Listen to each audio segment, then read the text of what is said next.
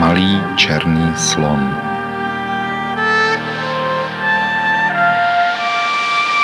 Podcast, ve kterém čteme z denníků pamětníků.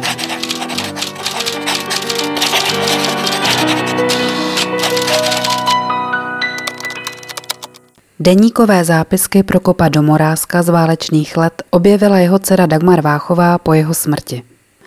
Prokop Domorázek se narodil v roce 1903, byl zemědělský inženýr a za války se zapojil do protinacistického odboje. Ve svých denících popisuje, jak prožíval předměchovské období, následnou okupaci, zapojení do odboje, zatčení, soud, věznění, kruté zacházení. Dcera Dagmar uvádí deníkový příběh svého otce svou vzpomínkou na jeho pohřeb. A pak do něj občas vstupuje svými vsuvkami a komentáři. K deníkům svého otce připsala tento úvod. To, co teď držíte v ruce, byl můj poslední dluh. Jsem vděčná Bohu za to, že mi bylo ještě dopřáno tenhle úkol splnit, i když jsem tak dlouho otálila. Ony totiž jizvy z války, i když už je tak dávno pryč, zůstávají v člověku dlouho. Pár dní před smrtí mi táta v nemocnici říkal, abych dávala pozor, že letáky a blány jsou pod kobercem v jeho pokoji připravené k distribuci. A to bylo 39 let od jeho zatčení. Pod vlivem utišujících prostředků se vynořila minulost. A pamatuji si, že jsem já jako malá holka kreslila všechno, lidi, zvířátka, domečky na kolečkách. A to proto, aby mohli rychle utéci. I to byly jizvy. Od té doby se svět, žel, až tak mnoho nezměnil. Z lidí se po těch hrůzných zkušenostech nestali andělé, jak si táta naivně myslel. To proto nesmíme zapomenout. Dana. Deník Prokopa Domorázka, část první, blíží se těžká doba. Tak, konečně usedám k tvému psacímu stolu a nořím se do tvého života. Stará zažloutlá školní vysvědčení, desítky odborných článků, rukopisy učebnic, ale nejvíc mě zajímají desky označené jedním slovem válka. Nikdy si toho o té době moc nevyprávěl. Život po válce letěl naplněný elánem a prací a touhou stvořit na troskách nový svět. Svět bez násilí a nespravedlností. Že to byly jen iluze a zbožná přání, to jsme pochopili až později. V té době se nikdo moc nechtěl obracet. Nezapomenout na hrůzy války se stávalo ošoupaným heslem. Nějak nebylo s kým o tom hovořit. Můžeš mi odpustit, že ani já jsem nenašla čas a chuť? Ani nevíš, jak moc bych ten čas chtěla vrátit, moci tě vyslechnout. Naštěstí se to tušil. A tak si sedl a psal. 20.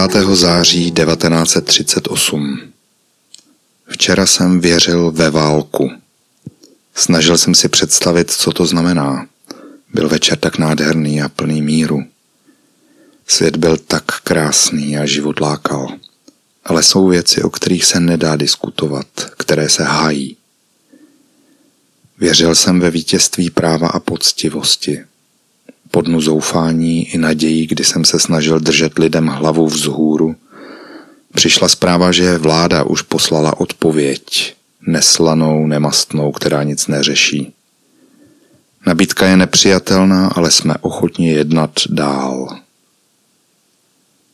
Rusko prý slíbilo pomoc, dostojili Francie závazkům. Byly to zprávy od Mali Petra, možno tedy věřit. Šel jsem Prahou, o níž jsem ještě minulý týden psal nadšené písně o svobodě a slávě a marně hledal vysvětlení a cestu dal. Hledal jsem kritérium pro to, co je správné. Jít do boje proti přesile v naději, že se nějakým zázrakem zachráníme nebo aspoň zemřeme jako muži – nebo se spokojit s tím, co nám zaručí a začít znovu budovat na tom, co nám zbyde. Naděje na mír je tak lákavá a svůdná. Kdyby byla naděje, že to je poslední oběť, ale slyšeli jsme včera, jak pusté bídné lži a nestydaté výmysly vedly k přesvědčení Anglie. I tu se snažím chápat a rozumět jim. Hitler je patrně přesvědčil, že jen on je může zachránit před komunismem. Patrně to bylo to, co bylo označeno za upřímný rozhovor. A tak, zrazeni přáteli, stojíme sami uprostřed Evropy. Podvod a lež se nastoluje na vítězný stolec. Morálka a čest se zahazuje jako přítěž, balast a brak. Vyděračství a podvod jsou metodami mezinárodního soužití. Je konec slávy mé země. Zradíme-li sebe, zradíme provždy a pro celý svět. A nezradíme-li, snad to bude sebevražda národa. Rozhoduje se náš osud, osud našich dětí. Nezemřeme-li my, budou oni umírat za ideál, který jsme my opustili.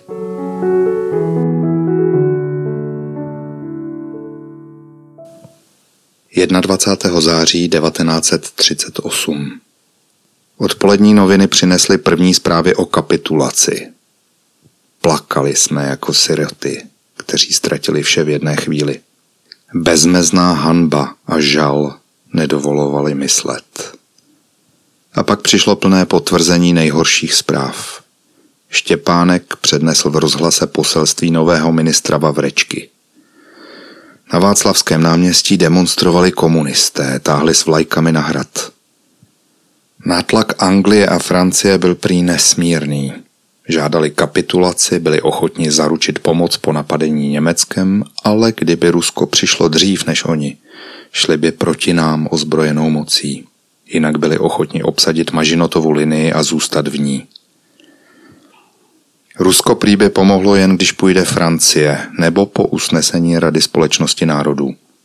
V této situaci vláda po těžkém konfliktu povolila. Věděl jsem, že naše poslání je teď vydržet a dát národu jediné, co ho může zachránit, morálku a víru. Protože bez víry není života pro tento národ a stát. Pak jsme seděli v Tůmovce, kde byla také velká skupina legionářů a diskutovalo se. Agrárníci přijímají již na zítřek připraveno rozpuštění socialistických stran. Nevím, kde je pravda. Bylo-li lepší zemřít, než žít v hanbě. Vím jen jedno, že tohoto výsledku bylo dosaženo s radou uvnitř i vně. Vím, že tento zápas vyhrálo bezpráví. Vím, že naším historickým posláním je boj o pravdu a tento zápas jsme opustili. Jsme pokořeni bez boje víc, než jsme kdy byli po prohraných válkách. Je konec mé slavné země. Lid znal chyby svých vůdců, proč je volil. Sám národ se přibyl na kříž.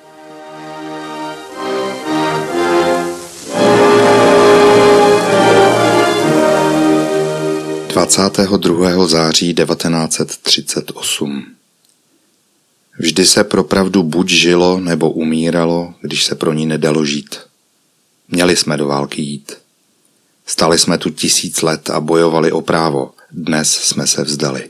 Prý proti přesile. A nebyla to přesila, která přesvědčovala Husa, že má odvolat. Bylo by nás zahynulo milion, dva, tři, ale byli bychom svědomím světa. Den začínal pláčem, kterým končil den minulý, ale pláč není program. Sedl jsem a psal provolání zednářům, že bylili jsme hozeni vlkům, naše víra musí nás uchovat dál. Že nesmíme zapomínat na to, že celý národ v čele s druhým prezidentem přísahal na drakví Masarykovou věrnost zanechanému odkazu. V němž je víra ve vítězství pravdy, víra v poslání dané této zemi. Kolem pochodují zástupy demonstrantů, dělnictva, úřednictva, mládeže. Pak přišla zpráva, že vláda padla. Po ulicích rozhlas vysílá projevy mužů a žen. Zase se pokoušejí čachrovat city lidí a lžou.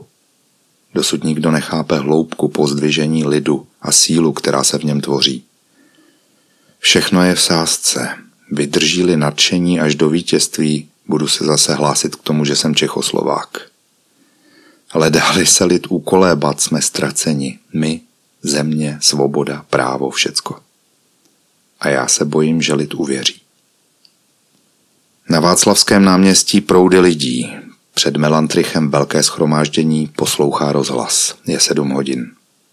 Po náměstí jede četa jízdy, projíždí kamion s četnictvem, jsou s jásotem zdraveni. Je ohlašována řeč prezidenta republiky. Přehrávají fanfáry z Libuše a prezident Beneš se ujímá slova. Prosí o víru a důvěru, slibuje sílu. Hraje hymna v rychlém tempu. Lidé tleskají a pláčí. Rozhlas vyzývá ke klidu, přidává i provolání. Nedáme svou republiku kde jakému čalouníku. Prosí o rozchod a klid. Lidé se rozcházejí. Jsme všichni v afektu a nevyspalí, bude třeba sil a pevné vůle. Máme novou vládu. Ministerským předsedou je Syrový. Hrozím se jen jednoho jména, které znám, Reich. Doufám, že je tu výjimkou. Bolí mě jen, že v těchto hrozných chvílích bude spolu rozhodovat tak bezcharakterní darebák. Doufám a věřím, že je tam sám, záleží na tom budoucí stát. thank you 23. září 1938. Dozvídám se, že nejde jen o odevzdání území, ale také o odzbrojení, kterému se říká neutralizace.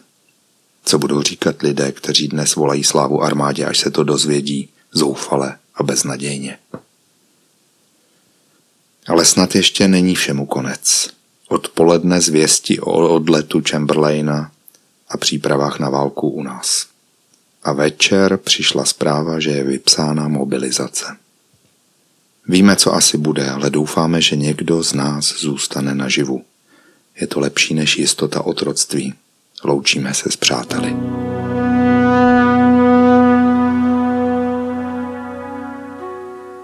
Dvacátého čtvrtého září 1938 Mobilizace Praha je vzhůru jako ve dne. Je jedna hodina v noci. Rozhlas stále opakuje mobilizační vyhlášku na ulicích smutné dvojice muž a žena. Stojím na balkoně a připadám si zbytečný. Táta byl nevoják a tak se na něj mobilizace asi nevztahovala. Ráno jsme byli povoláni do nejvyššího hospodářského úřadu s tím, že máme jít na ministerstvo zemědělství. Nikdo nevěděl, kde máme zasedat, nikdo neznal organizaci, nikdo nevěděl, kdo rukoval. Pak se ale našly mobilizační plány, kde se myslí na každou maličkost. Večer jsem se na chvíli vydal do ulic. Je tma. Omezené světlo na ulicích, domy vzorně zhaslé na ulicích hlídky. CPO. Hlídají muži, chlapci, ženy. Před školou v Kladské ulici stojí dvě auta naložená puškami a náboji je válečný stav. Obdivuji tu úžasnou kázeň, se kterou se všichni podjali úkolu chránit stát, zdát se pohodlí, omezit se. Já budu pracovat v NHU v sekci, která bude obhospodařovat líh a benzín. Nejdříve v Praze, později se máme přesunout do Ružomberoku. 25. září. Malý oddych před velkou prací. Jedu za rodinou do Rataj. Na cestu jsem vyžebral 3 litry benzínu, nějaký petrolej, pak cestou ještě 5 litrů benzínu a trochu petroleje. Trávím snad poslední půl den klidu s rodinou v lesích.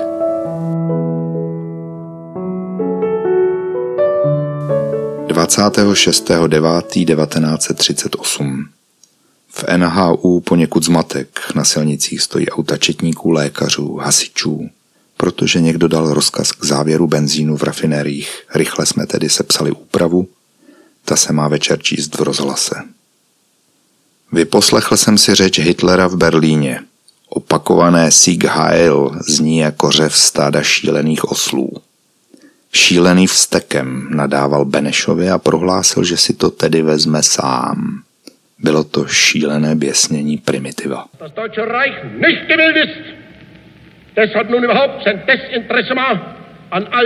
a tak se také stalo.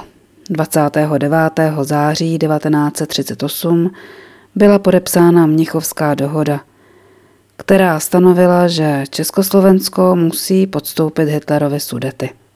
Byla to dohoda Německa, Velké Británie, Itálie a Francie bez účasti Československa. 1. desátý vstoupily do Sudet německé jednotky. Československo ztratilo pětinu svého území a spousta Čechů se musela z těchto oblastí vystěhovat. Mezi nimi i náš strýc Ruda se svou malou dcerkou. Mezi všemi papíry, které tu po tobě, táto, zůstaly, nacházím dopis, který se psal svému příteli, doktoru Otakarovi Hněvkovskému.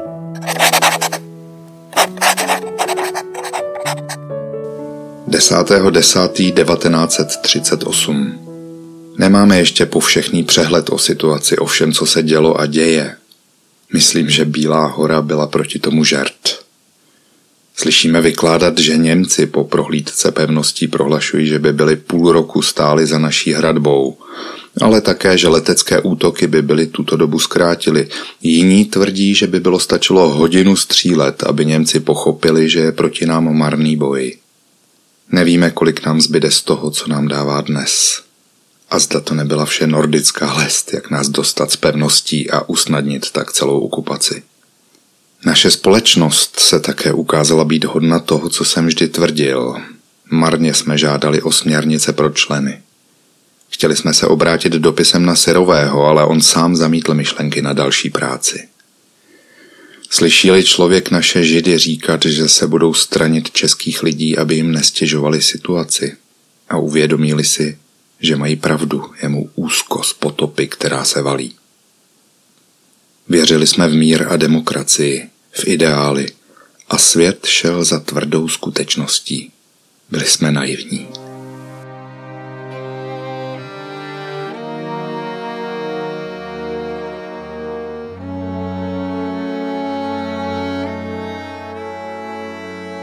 Nacházím další dopis, psaný týžden kolegovi Doubkovi do Košic. Chci ti ještě vypsat, jak to bylo tady u nás v nejvyšším hospodářském úřadě. Dnes už je většina oddělení rozpuštěna. Měl vést hospodářství v době válečné a byl tak vybudován. Mohl se stát základem přebudování státu. Ale tato myšlenka, která byla před týdnem zdůrazňována, padla náhle úplně. Proč a kdo dal pokyn k likvidaci, zůstává nám zavřeno. Vím jen, že potíž byla volba jeho ministra, o což se táhli vůdcové tohoto státu v době mobilizace s nadějí na válku. Vedení bylo vojenské a ukázalo se, že rozum nevzrůstá s počtem hvězd úměrně. A tak toto dítě pohnutých dob bylo předem určeno smrti. Jinak všechna čest věc byla připravena dobře, ale zapomnělo se na organizaci lidí a práce. A tak naše hospodářství je ponecháno samo sobě. Mluvilo se o tom, že bude Baťa prezidentem nebo alespoň ministrem hospodářství, ale zdá se, že to padlo. Ale jsou ještě lidé, kteří se snaží zachránit, co se dá, myslím, pro stát, ne pro sebe.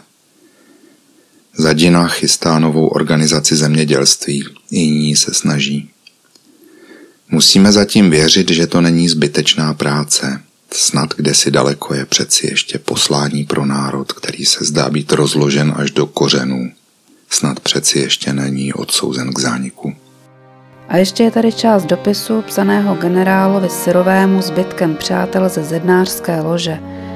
Ten ale, jak výše uvedeno, další práci odmítl. Jako věrní a oddaní občané svého státu díváme se v zoufalství na rozklad, který se řítí kolem nás. Jsi, drahý bratře, legionář a prokázal si před víc než 20 lety odvahu k činům. Máš víru a pokoru. Vyslyš hlas své zubožené země, o jejíž roucho začínají metat los. Celý národ, celá armáda jsou za tebou. Tato země bude ztracena, nenajde-li statečného a poctivého vůdce. Máš odpovědnost před dějinami, naše děti ti budou blahořečit nebo tě proklínat. Jsme všichni odhodláni přinést ti celé své životy, všechnu snahu a práci. Ukaž nám místo, kam se máme postavit, přijdeme všichni a dáme poslední síly do služeb záchrany vlasti.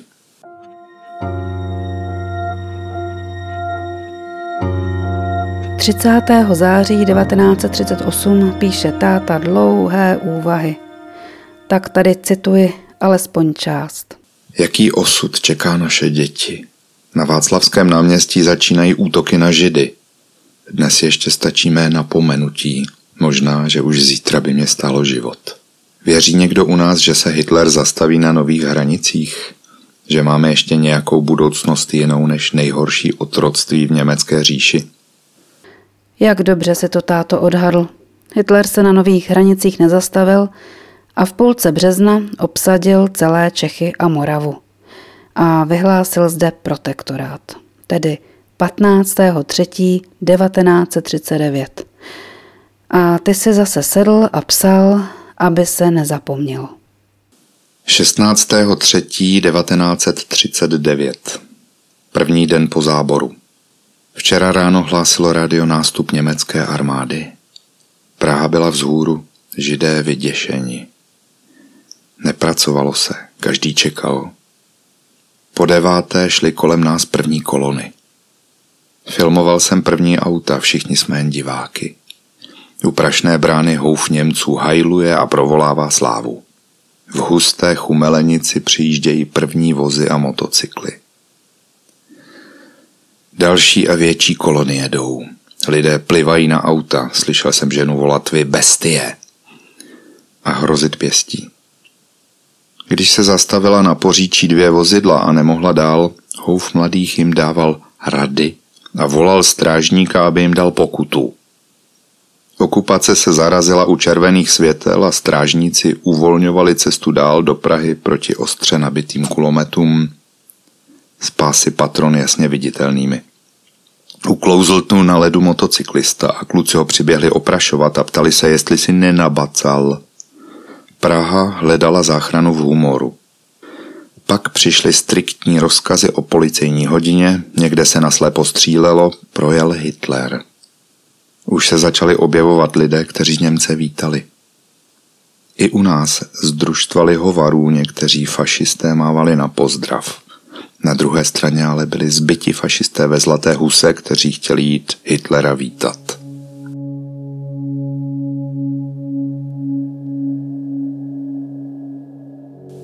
Šestého pátý 1939 Máchův pohřeb. Praha se vyzdobila prapory.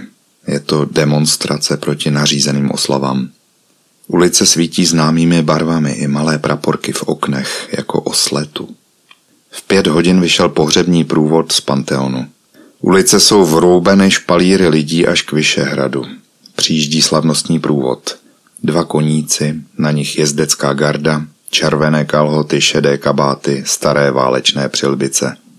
Několik jezdců, kočár s kladrubáky a dvěma kněžími s mitrami, auto s dalšími dvěma kněžími, šesti spřeží v pohyblivém katafalku, na něm rakev ve státním praporu. Za ním čtyři pětistupy jízdní gardy, asi deset aut a zástup asi dvouset lidí. Gardisté na koních, smutné postavy. A to nám zbylo. Pamatuji na pohřeb Vojana, svatopluka Čecha, kdy všichni lidé z veřejného života kráčeli za rakví, nesli se věnce. Pamatuji na pohřby Rašinův a jiných z republiky. Ani nechci vzpomínat na nejsmutnější pohřeb Masarykův. Vidím naše chlapce s přilbami a se skloněnými puškami, vidím slávu své země, drahé země, tak těžce zkroušené. Je těžko bránit se pláči. Jaká bída, jaká zoufalá bída. Jaká to spupnost, jaká brutální surovost v takovém potlačení národa, který nechtěl být příčinou války. Jaká nezměrná hamba pro ty, kteří dali přednost tomu žít aby nemuseli umírat za ideál. Jaká hanba pro nás všechny, kteří jsme žili v těchto dnech, jaká potupa pro mou zem, pro mou slavnou, svobodnou zem. Až přijde den, kež nám Bůh dá sílu neznat milosrdenství.